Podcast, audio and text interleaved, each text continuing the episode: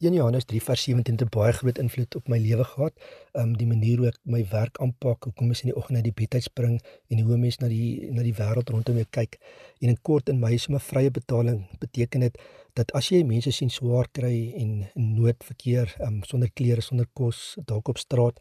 hoe kan God se liefde in jou hart wees? Dis presies wat die teks vers sê en hoekom dit vir my so ontnigtering was en my so baie in die dink gesit het is dit lyk tog baie baie sleg om ons tans hierdie ver te gaan soek om mense te sien wat swaar kry en mense wat nie het nie en tog is daar soveel ander wat in absolute oordadige weelde leef en dan onwillekeurig bly mense vir jouself vra maar as ons almal sê ons is Christene, hoekom is daar soveel swaar kry? Hoekom lyk die wêreld rondom ons soos dit lyk? In Suid-Afrika is daar natuurlik genoeg om oor bekommerd te wees en daar's geweldig baie mense wat teestaan na ander lande emigreer en ek sê weer Jesou wat wat 'n voorreg om in hierdie land te kan bly. Hier hoef jy beslis nie ver te gaan soek om 'n verskil te maak vir God nie. Ons is regtig omring deur nood en deur mense wat regtig alles uh, verloor het. Op straat is uh, daar soveel wat jy kan doen vir hulle. In Matteus 25 het um, die disippels vir Jesus gevra maar Here wanneer het ons vir u um, huisvesting gegee of kos of water of uh, besoek in die in die tronk? En hulle gaan noem se lysie goedjies op. En dan sê Jesus elke keer wat jy vir iemand anders te gedoen het asof jy dit vir my gedoen het. So baie keer wil ons kies vir wie ons wil help maar uh, God onderskei nie almal in, in ons land en in die wêreld is tog deur hom gemaak Dit bly vir my baie vreemd dat soveel mense so hard werk om hulle welvaart bymekaar te maak en ag jy kan tog niks aan mee doen nie. Kan dit definitief saamvat die dag as jy jou asem hier gaan uitblaas nie. En baie sal ek ar argumenteer maar hulle los dit vir hulle kinders en ek dink jy doen hulle baie groot onreg aan want um, as 'n kind 'n uh, ryk erf dan sal baie min wat hom gaan inspireer om hard te werk of te gaan leer en um, geld wat maklik uh, verdien word word gewoonlik ongelukkig uh, maklik ook gespandeer. So uh, spandeer eerder dit wat jy het op iets wat vir jou regtig um, lewensvreugde gee en dit is gewoonlik as jy 'n verskil kan maak in iemand anders se lewe. Uh, dit gaan ook nie net oor geld jy kan um, jy kan idees gee, jy kan soos baie mense sê sweet gee deur vir ander fisiese fisies te gaan help. As jy geldjie daar in die bedelaar by die robots handstop, is dit miskien maar net om jou gewete te sis, uh, jy definitief nie sy sy probleem vir hom opgelos nie, miskien 'n tydelike uh, probleem opgelos vir die dag.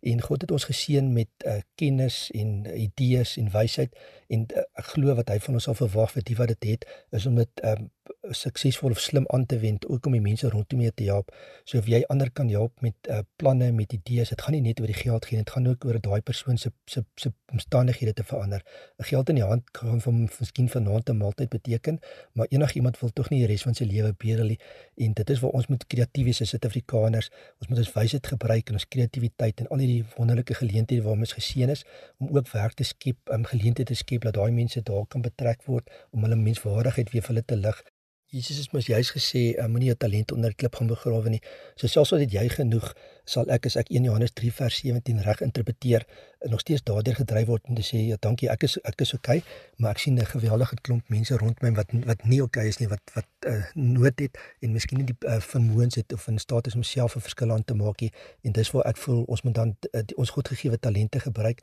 om slim te werk, om kreatief te wees. Uh, Daar's soveel maniere om hierdie mense wat wat in nood is um, op te hef. Eerstens moet jy natuurlik vir hom volmaak gee kos in die maag, maar dan is daar soveel geleenthede en ook van ons kant of mens net saadpakkies en jy leer hulle om hulle eie groentetuintjies te vestig, maar met dit kan jy dan rentmeesterskap leer oor hoe om bietjie meer te doen dat hy ook genoeg het om af te verkoop aan iemand anders en inkomste te kry. Maar ag, en daar's soveel ander idees. Die punt is maar net as jy genoeg het om net agteroor sit en niks doen nie, glo nie dis wat God van ons op aarde verwag nie, waar hy gesê het ons is sy hande en sy voete nie. Gebruik daai gawes wat hy vir jou gegee het om aan ook 'n verskil te maak na almal rondom jou, nie net die mense wat jy uh, verkies om mee te werk om saam te vat, ehm um, as jy het gee vir die wat nie het nie, ehm um, omdat jy graag wil, nie omdat jy dink jy moet of omdat jy in die Ou Testament gehoor het van 'n tiende of net eh, van jy dit verwag nie. As jy God kan daai mense self help as hy wil, maar hy wil ons harte toets en dit is tog so lekker, is soveel uh, meer uh, bevredigend as jy kan sien hoe gelukkig is iemand daai groot breë glimlag as jy iemand kan help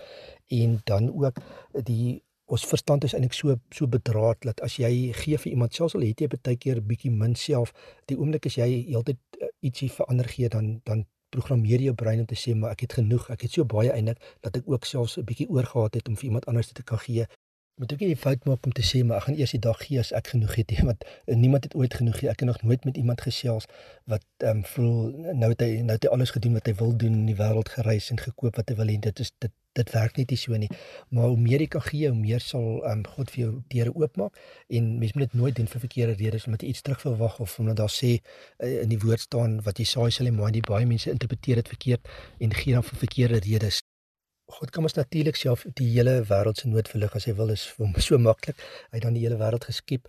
Egter eendag um, op die ou dag daar op 'n stoep sit gaan nie onthou hoeveel geld jy gemaak het nie, maar die die vreugdes wat jy gaan hê, die goeie herinneringe wat jy gaan hê, is die mense wat jy deur jou lewenstyd op aarde kon help. Dit is wat jou glimlag gesig gaan sit. Dis die goeie stories wat jy nou kinders gaan vertel en hopelik ook daai uh, gees van van mededeelsaamheid met hulle kan deel. So ek wil die uitdaag as jy het, as jy daar in jou kas baie klere het, eh, baie mense gaar so graag op en goed wat jy nooit weer gaan gebruik nie. Stap bietjie deur, gaan kyk bietjie wat lê daar in jou pad, eh, wat gaan jy nie regtig ooit weer gebruik nie en gaan ervaar self die vreugde as jy bietjie van daai goed uitpak, raak ontslaaf van die klatter en deel dit met die mense rondom jou want dit is, is ek 1 Johannes 3 vers 17 reg interpreteer presies wat God van ons verwag. Baie sterkte.